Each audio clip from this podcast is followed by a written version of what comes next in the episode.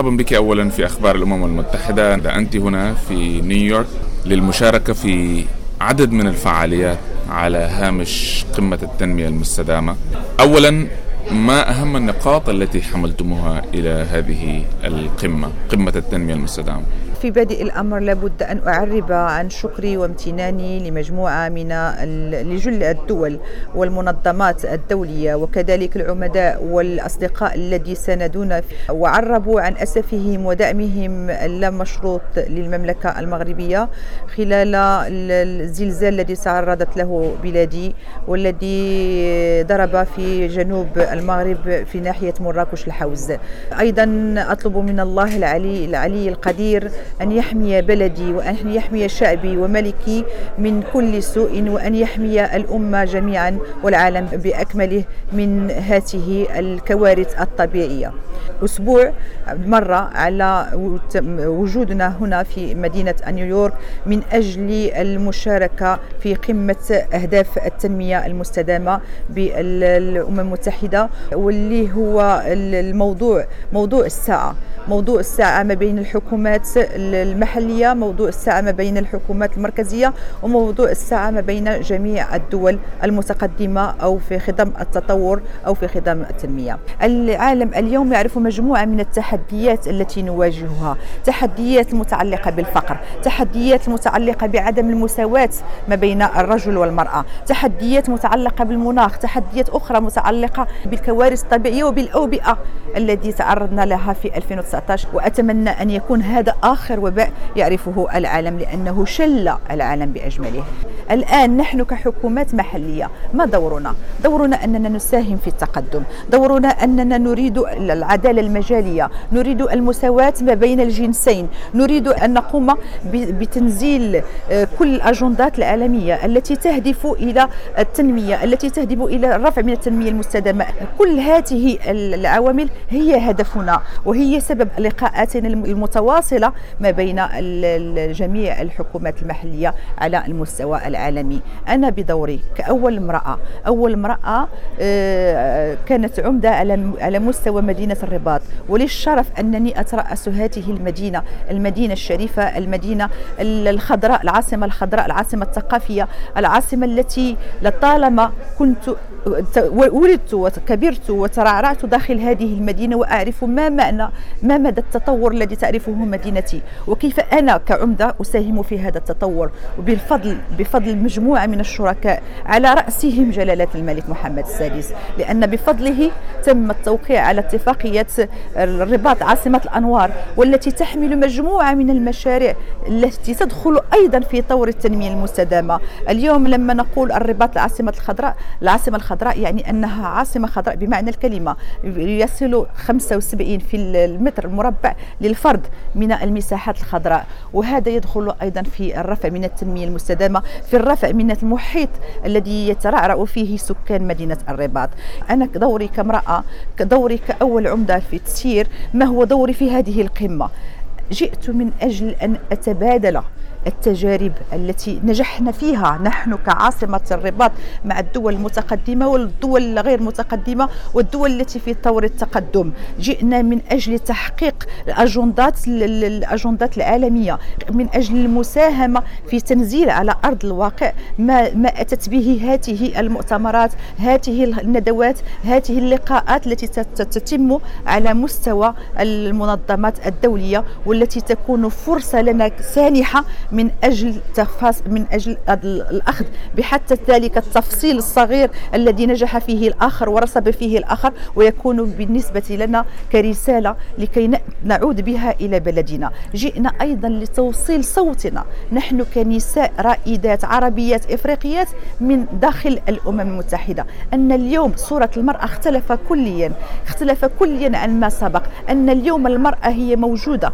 بكل فناء وبكل قوة وبكل بكل عزيمه وبكل بكل ما لديها من قوة أنها ستساهم في تنمية بلادها وهذا شيء إيجابي جدا. نعم نتمنى لكم التوفيق في كل الجهود التي آه، تقومون بها. آه، تطرقت أنت في بداية هذا الحوار إلى إلى إلى الزلزال الذي آه، ضرب عدد من المناطق في المغرب. حدثينا عن أهم الجهود التي تقوم بها المملكة المغربية لمساعدة المتأثرين بهذه آه، بهذا الزلزال المأساوي؟ هو هذه المأساة التي تعرض لها إخواننا أشقاؤنا عائلتنا. داخل المغرب كان لها وقع سلبي جدا على أنفسنا. ولكن صراحة ما حز ليس ما حز في قلوبنا. ما أدفأ قلوبنا هو ذلك التضامن. تضامن الشعب المغربي. هذا الشيء كان إيجابيا جدا. اليوم المغرب سعيد جدا بملكه سعيد جدا بتضامن شعبه. هناك تضامن تضامن هناك تضامن لا مشروط لا مشروط تماما ما بين الشعب والملك. إليك اليوم ما قامت به المملكة إتاء الزلزال. أولا كانت أول ما قام بها جلالة الملك هي هي اجتماع استعجالي جمع جميع مكونات السلطة والحكومة والجيش وكل من ممكن أن يساهم في الحد من ضحايا الزلزال والرفع من هذه المأساة. كانت آه، تأسيس صندوق الدعم لزلزال الحوز. هذا الصندوق الذي عرف تهاتف المغاربة عليه. هناك مساهمات وطنية. ولما أقول مساهمات وطنية يعني داخل البلاد. كل كل من من في المغرب ساهم في هذا الصندوق. الوزارات ساهموا في هذا الصندوق. المؤسسات العمومية والخصوصية ساهموا في هذا الصندوق. الأبناك ساهموا في هذا الصندوق. حتى فرق كرة القدم ساهموا في هذا الصندوق. الجماعات المحلية أيضا ساهمنا في هذا الصندوق. فأنا بدوري ساهمت في هذا الصندوق. مساهمة جيدة جدا. إذا كان هناك نوع من من التلاحم. اللا مشروط ما بين المغاربة. الشعب المغربي هو شعب طيب جدا وشعب يحب أخاه ونرى طيبوبة الشعب في في المحن. أن في المحن يختبر الإنسان. ثاني خطوة قام بها جلالة الملك هي أنه هناك أطفال أصبحوا دون عائلة.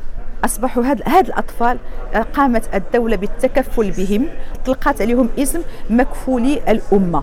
أنت أول امرأة تتسلمين هذا المنصب الرفيع عمدة مدينة الرباط واحدة من أهم المدن في المنطقة العربية آه وأنت تعلمين أن واحدة من أهم الأهداف أهداف التنمية المستدامة لعام 2030 هي مسألة المساواة بين الجنسين بصفتك عمدة للرباط كيف تنظرين إلى دور, المغرب في تحقيق مسألة المساواة بين الجنسين؟ آه، في الواقع آه، المغرب قام بمجموعة إجراءات جد مهمة جدا من أجل تحقيق هذا الهدف ألا وهو المساواة ما بين الجنسين.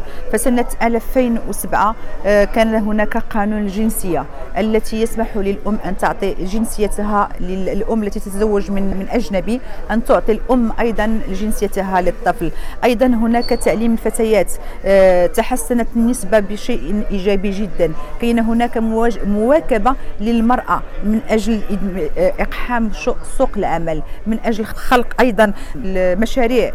أيضا هناك برامج اللي هي جد مهمة من أجل الكفاح ضد العنف ضد المرأة. أيضا وكذلك التصديق على الاتفاقيه الدولية للقضاء على جميع أشكال التمييز ضد المرأة ورفع التحفظات عليها. أيضا هناك في 2011 تمت مراجعة دستور المملكة وهو دستور 2011 الذي يؤكد على على مأسسة المساواة ما بين المرأة والرجل وعلى التكافؤ ومكافحة كافة أشكال التمييز في دستورنا. أيضا العضوية في مجموعة من الهيئات اللي هي واحترام وتنفيذ الالتزامات الدولية. وضع تدابير التمييز الإيجابي إحداث صندوق الدعم لتمثيل المرأة إلى مجموعة من الإجراءات الاحترازية التي قامت بها الدولة من أجل الرفع من من قيمة المرأة ومن أجل منحها المساواة ما بينها وبين الرجل. بالإضافة إلى إذا أخذنا بعين الاعتبار انتخابات الأخيرة 2021 أفرزت عن نتائج إيجابية لصالح المرأة فهناك مجموعة من النساء اليوم يشغلن مناصب جد مهمة. إذا أخذنا على مستوى الجماعات المحلية على مستوى الجماعات المحلية لدينا ست مدن كبيرة. ثلاث مدن كبرى هي تسير من طرف المرأة. يعني مدينة الرباط مدينة الدار البيضاء ومدينة مراكش. يعني بمعدل 50% من المدن الكبرى تسير اليوم من طرف النساء. بالإضافة إلى مجموعة مجالس أخرى قروية مجالس مدن صغيرة تسير أيضا من طرف النساء. على المستوى التمثيلي النسائية داخل البرلمان. اليوم أيضا مجموعة من النساء هم ممثلين داخل البرلمان. على مستوى المسؤوليات الكبرى. إذا أخذنا المجلس الأعلى للحسابات. هو مجلس الذي يقوم بالتدقيق في جميع الحسابات للمؤسسات العمومية والمجالس البلدية وكل من له علاقة بالتسيير داخل المملكة المغربية. هو يترأسه امرأة قوية. على مستوى مدينة الرباط لدينا العمدة امرأة. الوكالة الحضرية للتنمية امرأة. مركز الاستثمار تترأسه امرأة. إذا إذا إذا لاحظنا فأن التدبير النسائي على مستوى الرباط فهو مرأة 100% أخيرا مسألة تغير المناخ هي أيضا من المسائل الكبرى التي تؤثر بصورة كبيرة على عالمنا وهي أيضا أحد أهداف التنمية المستدامة. حدثينا عن آه، الجهود التي تبذلها حكومتكم في مسألة تغير المناخ؟ أولا لابد من الإشارة أن تغير المناخ هو هو شيء يعرفه العالم بأكمله. وأن هناك مجموعة من الإجراءات التي اتخذت على المستوى العالمي على مستوى الأمم المتحدة ومجموعة من الأدوار التي قامت به المنظمات الدولية والدول المتقدمة في هذا الإطار. آه، هناك مجموعة من الاتفاقيات الذي آه، المغرب من الدول التي وقع عليها والتي تهدف إلى الحفاظ على التنمية المستدامة وأيضا إلى مواجهة هذا النوع من التغييرات المناخية التي يعرفها العالم. على المستوى المحلي على المستوى الوطني على المستوى سوف أحدثك عن المستوى الوطني وبعدها على المستوى المحلي. على المستوى الوطني نحن نعي أن هناك تغيير مناخي كبير جدا. نعلم أن هناك مشكل التصحر نعلم أن هناك مشكل الجفاف. فماذا قامت به المملكة من أجل الحد من هذه الكارثة؟ لأنها تبقى كارثة طبيعية يعيشها مجموعة من الدول. إذا كانت هناك مشكل الجفاف ولدينا شمس لدينا شمس كثيرة ألا يحق لنا أن نستغل هذه الشمس؟ وهذا ما قمنا به. هذا بالفعل ما قمنا به داخل المغرب. لدينا المحيط الأطلسي والبحر الأبيض المتوسط. يعني نحن بين المحيط الأطلسي والبحر الأبيض المتوسط. إذا قمنا بتحلية مياه البحر من أجل توفير المياه للسقي وللفلاحة إلى آخره. قمنا باستغلال الشمس طاقات شمسية من أجل توليد الطاقة ومن أجل تشغيل مجموعة من هذه المحطات لتحلية البحر بهذه الطاقات المتجددة وهي الطاقات الشمسية. إذا حاولنا آه، التأقلم مع التغييرات التي يعرفها العالم. حاولنا أن نقوم بمجهودات حاولنا بالالتزام بكل ما جاءت به بكل الاتفاقيات التي وقعنا عنها اللي هي تهم التغييرات المناخية والتنمية المستدامة من جهة. على مستوى الرباط على مستوى الرباط إذا هناك مجموعة من المحطات التحلية. آه، مؤخرا تم تدشين واحدة على مستوى المغرب تم تدشين واحدة في أسفي. قريبا سوف تدشن محطة أخرى على مستوى الدار البيضاء الكبرى. أما على مستوى الرباط فقد أطلقنا طريق سيار للمياه. هذه المياه كانت مياه تذهب إلى البحر.